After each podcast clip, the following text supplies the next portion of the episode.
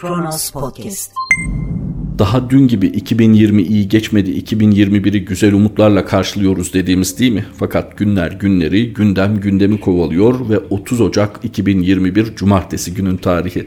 Kronos Haber'de Kronos günden başlıyor. Merhaba. Akşener, istifa eden CHP'li vekiller hesabı seçmene verecek. İyi Parti Genel Başkanı Meral Akşener, CHP'li vekiller İzmir Milletvekili Mehmet Ali Çelebi, Karabük Milletvekili Hüseyin Avni Aksoy ve Yalova Milletvekili Özcan Özel'in partilerinden istifasını değerlendirdi. Akşener şimdi bu konuda konuşmak kolay değil. Arkasını bilmiyorum ama esas mesele şu. Seçmene cevap vermek zorunda kalacağız hep birlikte. Bu istifa eden arkadaşlarımız da alacakları tutumla seçmene cevap verecekler yorumunu yaptı. Cumhurbaşkanı Erdoğan'ın muhalefete ilişkin söylemlerini eleştiren Akşener, CHP, CHP zihniyeti diye geziyorlar ya, Sayın Erdoğan'ı kuyudan çıkaran Cumhuriyet Halk Partisi ve Sayın Baykal, bizim de seçime girmemizi sağlayan Cumhuriyet Halk Partisi ve Sayın Kılıçdaroğlu, bu hakkı teslim etmemiz lazım ifadelerini kullandı. Halk TV'de canlı yayına katılarak gazeteci Suat Toktaş'ın sorularını yanıtlayan Akşener, partisinin grup toplantısında kürsüye çıkardığı Uygur Türk'ü kadınla ilgili de konuştu. Erdoğan'ın bu konudaki sessizliğine dikkat çeken Akşener, Rabia'yı duyan, Filistin'i duyan Erdoğan bu kızımızı duymuyor. Bu duruş milli görüş geleneğinden gelen seçmenin vicdanını sızlatıyor dedi. İyi Parti Genel Başkanı Sayın Meral Akşener Halk TV'de kurdu bu cümleleri uzun uzadıya üzerinde durduğu konulardan biri de Millet İttifakı'ydı. Aslında CHP'den istifa eden 3 vekille oraya gelinmişti. Üç vekille ilgili Sayın Akşener'in tespiti de yerinde ki tedbirli temkinli konuşuyor. Arkasını bilmiyorum ama diyor hani hepimiz neticede seçmene hesap vereceğiz. Doğru ya da yanlış ortada bir gerçek var. Cumhur İttifakı Millet İttifakı her ne kadar ortada bir üçüncü oluşum söylemleri dolaysa da bunun pek gerçekliği olmayacak gibi görünüyor. Çünkü kutuplaşma bu kadar sertleşmişken, bu kadar ayrımlar netleşmişken üçüncü bir yola acaba mevcut seçmen profili izin verir mi? Pek öyle görünmüyor. Nitekim benzer sistemleri uygulayan ülkelerde de üçüncü, dördüncü, beşinci yollar olsa da neticede seçime yakın hepsi iki ana cephede buluşuyorlar. Nitekim Türkiye'de de bundan sonra Cumhur İttifakı, Millet İttifakı gibi bir yol tutturulacağı söylenebilir. Bu tabii böyle devam ederse çünkü parlamenter sisteme dönüş ihtimali de çok yüksek. Millet İttifakı bileşenleri zaten açık açık ortaya koydu. Hatta güçlendirilmiş parlamenter sistemden söz ediyor. Bununla birlikte Cumhur İttifakı'nın tavrını tahmin etmek çok zor değil. Gelecek kamuoyu araştırmalarının sonuçlarına göre parlamenter sisteme dönüşte hiçbir beis görmeyecekleri gibi gerek görmezlerse tabii yine oy potansiyeli ihtimaliyle söylüyoruz kendi ittifaklarını Saadet Partisi gibi dışarıdan yeni katılımlarla güçlendirerek %50 artı 1'e ulaşabilecek bir halde görürlerse bu konuda zaten tavırları belli olacaktır. Günün şartlarına uygun, ülkenin ihtiyaçlarına cevap veren hükümet sistemi, Cumhurbaşkanlığı hükümet sistemi deyip yoluna devam edecektir Cumhur İttifakı. Sayın Akşener'in şu ihtarı önemli. Cumhuriyet Halk Partisi'nden istifa eden 3 ismin malumunuz Muharrem İnce'nin başlattığı memleket hareketine katılacağı öngörülüyor.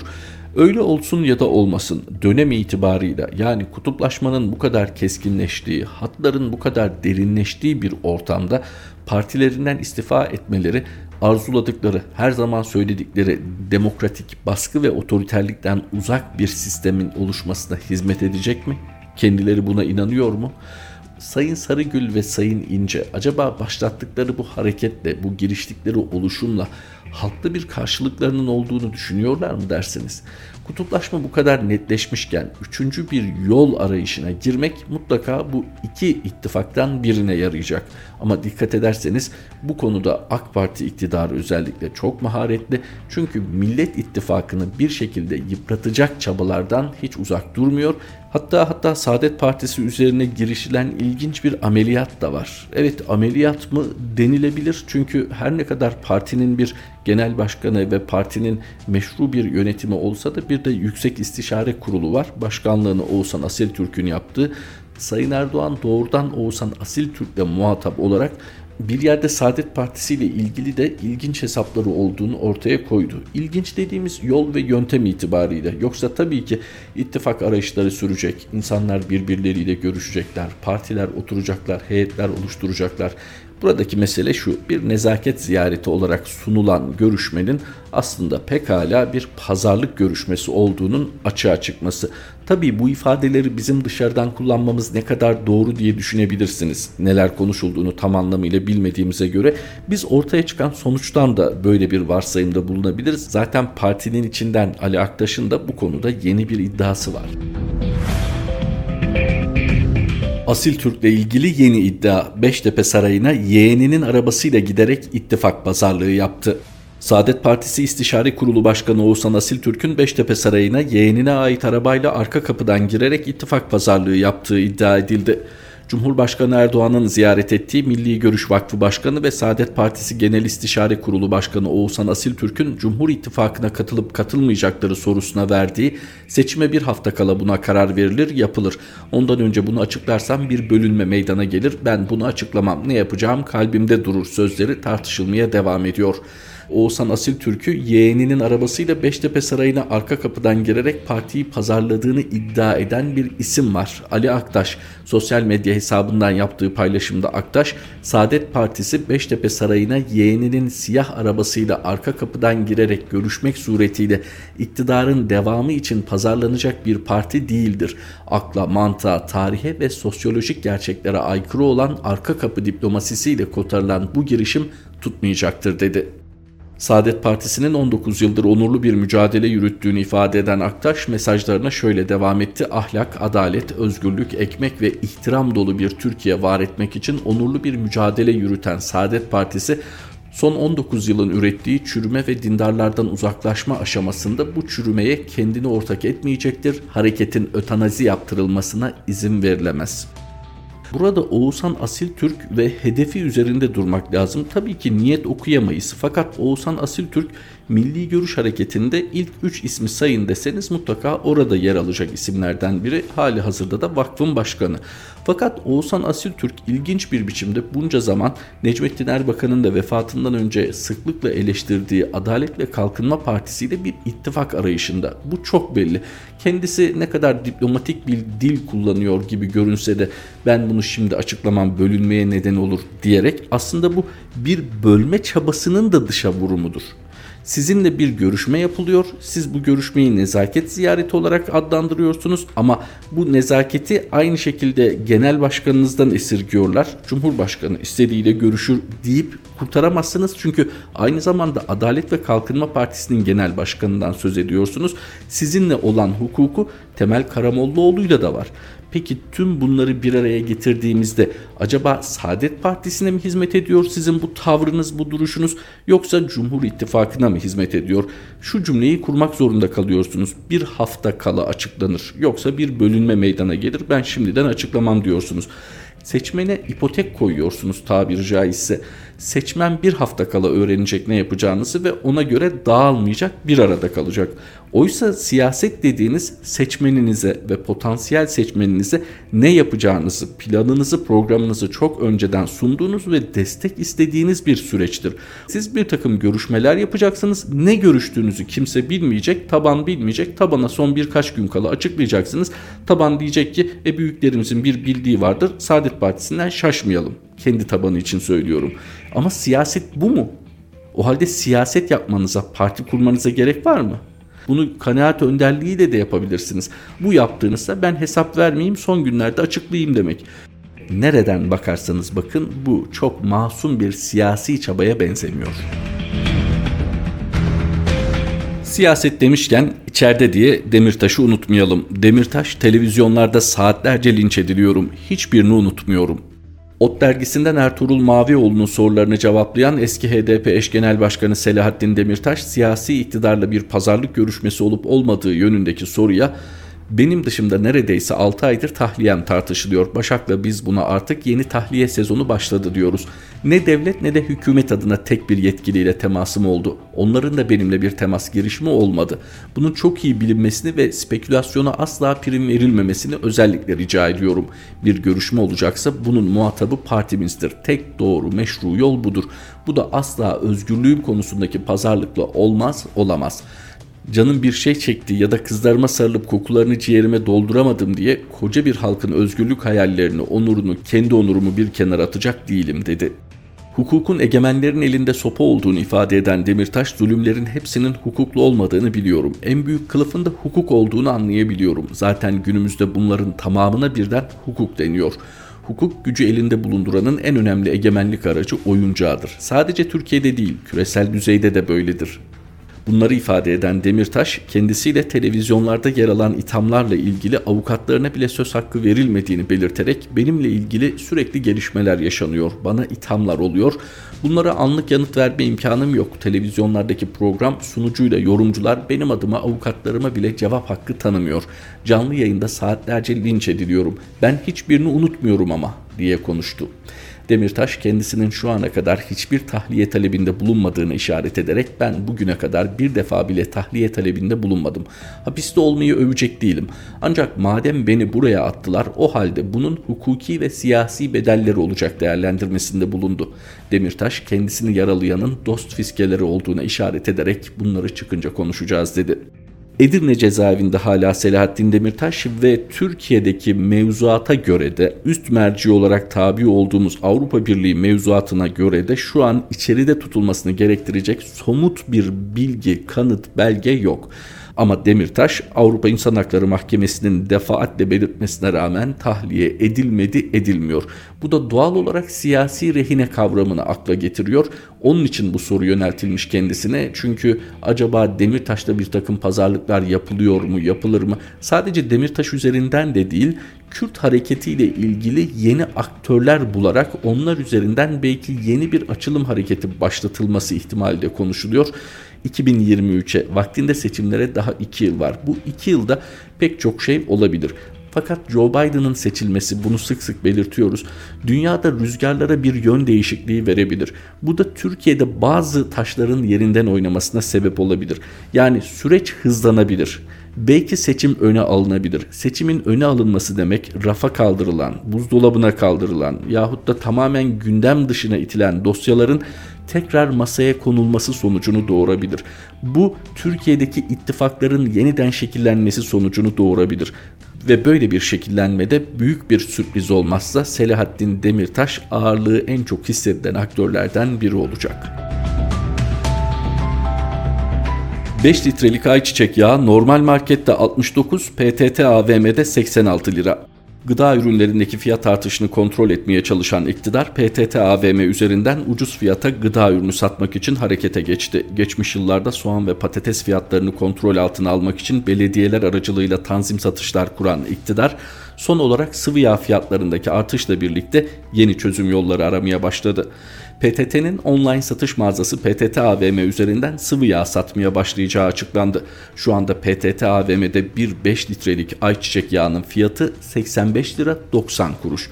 Aynı marka ve aynı litreye sahip ayçiçek yağı ise Migros'ta 69 lira 25 kuruş. Hadi biz yuvarlayalım biri 86 lira biri 70 lira diyelim. İktidar PTT AVM'den önce ucuz ayçiçek yağı satacak ardındansa mutfağın temel ihtiyaç maddeleri olan şeker, bakliyat, un, tuz ve salçayla devam edecek. Hayırlı uğurlu olsun. Önce devlet ciddiyeti demek geliyor insanın içinden. PTT tarihi bir kuruluştan bahsediyoruz. Postası, telefonu, telgrafı tamam her biri darmadağın oldu. Belki çağın gerekleri öyleydi. Tamam orasını geçtik diyelim. Ama gerçekten PTT'nin yapması gereken işler miydi bunlar? Her şeyi özelleştirdiniz. Hani bu işi de bari özelleştirseydiniz. Çünkü şu sıralar en çok muhatap olduğunuz konulardan biri devlet kağıt mı satar dediniz kağıt fabrikalarını kapattınız. E şimdi siz zeytinyağı satıyorsunuz. E devlet pijama mı satar dediniz. Sümer Bank'ı kapattınız. E şimdi siz bakliyat satacağız diyorsunuz. Bu uzayıp gidiyor bu şekilde. Peki neden bunun başka bir çözüm yolu yok muydu? Her şeyi gerçekten çok yakınınızda hemen gözünüzün önünde mi kontrol etmek istiyorsunuz? Gerçekten devlet o organizasyon kabiliyetini yitirdi mi? Yani ille de bu tanzim satış şeklinde yapılacaksa bir market üzerinden yapamaz mıydınız? Ki daha önce yaptınız. Kendinize yakın iki market üzerinden bir takım özel ürünleri, özel dediğimiz dönem itibariyle fiyatlarının özel kıldığı ürünleri onlar üzerinden halka sundunuz. Yine yapabilirdiniz. Neyse vardır bir bildiğiniz ya da çaresizliğiniz diyelim PTT'yi bu hale sokmanıza sebep oldu. Tamam bunu koyduk kenara. Niçin böyle bir işe kalkıştınız? Cumhurbaşkanı Sayın Erdoğan esnafı niçin halkın önüne attı? Esnaf keyfi zam yapıyor demeye getirdi değil mi? Çünkü ne döviz kurundan etkilenir esnaf ne de enflasyondan. Keyfi zam yapar. Bunu demeye getirdi. Siz neden esnaftan daha pahalıya satıyordunuz PTT AVM'de bunu? Çünkü 86 liraya satıyorsunuz, 70 liraya piyasada bulmak mümkün. Madem esnaf ve marketler keyfi zam yapıyordu, fiyatlar olması gerekenin çok üstündeydi de siz niçin piyasanın üstünde satıyordunuz bu ürünü? Ha şimdi denilecek ki hükümet müdahale edecek fiyatlar arttığı için bu fiyatlar aşağı çekilecek. E daha aşağı fiyata satılıyor idiyse niçin halka daha pahalıya sattınız şu ana kadar? Malum konu konuyu açar. Eski MHP'li Cemal Engin Yurt hatırlayacaksınız. Nasıl hatırlayacaksınız? İktidar saflarındayken mecliste küfürle adam kovalamalardan dağ başında ulumalara kadar bu hareketleriyle hatırlayacaksınız. Fakat kendisi partisinden ihraç edildikten sonra Demokrat Parti'ye katıldı ve Demokrat Parti'de artık bir muhalif olmanın tadını çıkarıyor. Katıldığı bir televizyon programında denk gelmişsinizdir. Son derece zarif, son derece ironik, güzel bir muhalefet örneği sergiledi. Akla tabii şunu getiriyor. Ne güzel güzel muhalefet zeka açıyor demek ki ya da muhalefet görmek istemediğiniz gerçeklerle burun buruna gelmenize yol açıyor. Onun açısından durum böyle gelişmişse geniş halk kitleleri de sanırım fiyatlar üzerinden zekalarını açacak ve bu fiyatların kontrol edilememeye başlamasıyla birlikte sanırım halk da muhalefet saflarına geçecek. İlle parti bazında söylemiyorum. En azından iktidarı eleştirebilme açısından söylüyorum. Gerçi şimdi sosyal medyada görüyorsunuzdur hay elim kırılsaydı da diye başlayan röportajları. Nereye harcandığı bilinmiyor ama deprem vergisi %10'a çıkarıldı. Cumhurbaşkanı Tayyip Erdoğan 1999 Marmara depreminde getirilen özel iletişim vergisini %10'a yükseltti. Resmi gazetede yayımlanan Cumhurbaşkanı kararıyla %7,5'tan %10'a yükseltilen deprem vergisinden 20 yılda 36,9 milyar dolar toplandı. Kamuoyunda malumunuz daha çok deprem vergisi olarak adlandırılıyor. Yapılan zam da açık olarak belirtilmedi deprem vergisine. Kanunlara atıf yapıldı. Resmi gazetede gider vergileri kanununun 39. maddesinin A, B, C ve D bentlerinde değişiklik yapıldığı belirtildi. Bu bentler her türlü mobil elektronik haberleşme, radyo ve televizyon yayınları, kablolu kablosuz internet servis sağlayıcılığı hizmetlerinden %7,5 özel iletişim vergisini düzenliyor. Deprem vergisi 1999 depreminde geçici olarak getirilmişti. Ecevit hükümeti döneminde AK Parti hükümeti 2003 yılında genişleterek kalıcı hale getirdi. Son olarak 30 Ocak 2021 tarihinde Cumhurbaşkanı Erdoğan'ın kararıyla %7,5 olan özel iletişim vergisi %10'a yükseltildi. Bakınız siyasi hikayelerde ayrıntılar önemlidir. Başarı içinde, başarısızlık içinde. Yani başarıyı da başarısızlığı da tanımlamada ayrıntılar önemlidir. AK Parti'nin özellikle 2010'ların başlarına kadar ekonomi konusunda iyi bir karne çıkardığını biliyoruz. Tabi muhalif kanattan şu gelen eleştiriyi kulak ardı edecek değiliz. Kemal Derviş programına sadık kalınarak sıkı bir maliye politikası uygulandı. Bunun semeresi alındı. Tamam buna bir itirazımız yok ama mesele hükümetin bu iradeyi de göstermiş olması. Bakın o zamanki kadroların üzerinde de özellikle durmuyorum. Peki bu olumlu karnede Kemal Derviş programının hiç etkisi yok mu? Ya da Ecevit hükümetinin dağılmasına yol açan ki bir koalisyon hükümetiydi. Dağıldıktan sonra da MHP hariç diğer bileşenlerinin sahneden silindiği tabiri caizse böyle bir sonuç doğuran deprem ve ardından gelen özel tüketim vergisi özel tüketim vergisinin geçici olarak konulduğunu biliyoruz. E siz geldiniz, kalıcı hale getirdiniz. Size güzel bir gelir kaynağı oldu. Daha sonra birkaç kere gündeme geldi aslında deprem vergisi olarak da adlandırılan bu özel tüketim vergisinin anayasaya da aykırı olduğu şeklinde. Fakat doğru tabir şu ki kulağınızın üstüne yattınız. Çünkü ne güzel fazladan bir gelir kapısıydı. Peki bugün geldiğimiz noktada siz ne diyorsunuz? Hani market terörü diyorsunuz, esnafa ayar veriyorsunuz, lokantaları gözetlememiz gerekecek diyorsunuz. Pek çok şey söylüyorsunuz. Yani aslında fiyatların yüksek olmaması gerektiğini söylüyorsunuz. Aslında sizin ekonomiyi çok iyi idare ettiğinizi, sadece dönemsel bir takım sarsılmalar olduğunu ama ana hatları itibariyle çok iyi olduğumuzu, hatta ekonomimizin uçuşa geçtiğini, pik yaptığını falan söylüyorsunuz. Peki o zaman deprem vergisini niye artırıyorsunuz? Bu özel tüketim vergisini resmi gazetede de açık açık yazmadan bir esneklik kazandırarak ne yapmaya çalışıyorsunuz? E hani ekonomi çok iyiydi, uçuyorduk, pik yapıyordu. Ya bir de ekonomimiz kötü olsaydı? Kronos gündemi aktardık. Kronos Haber'de tekrar buluşmak üzere. Hoşçakalın.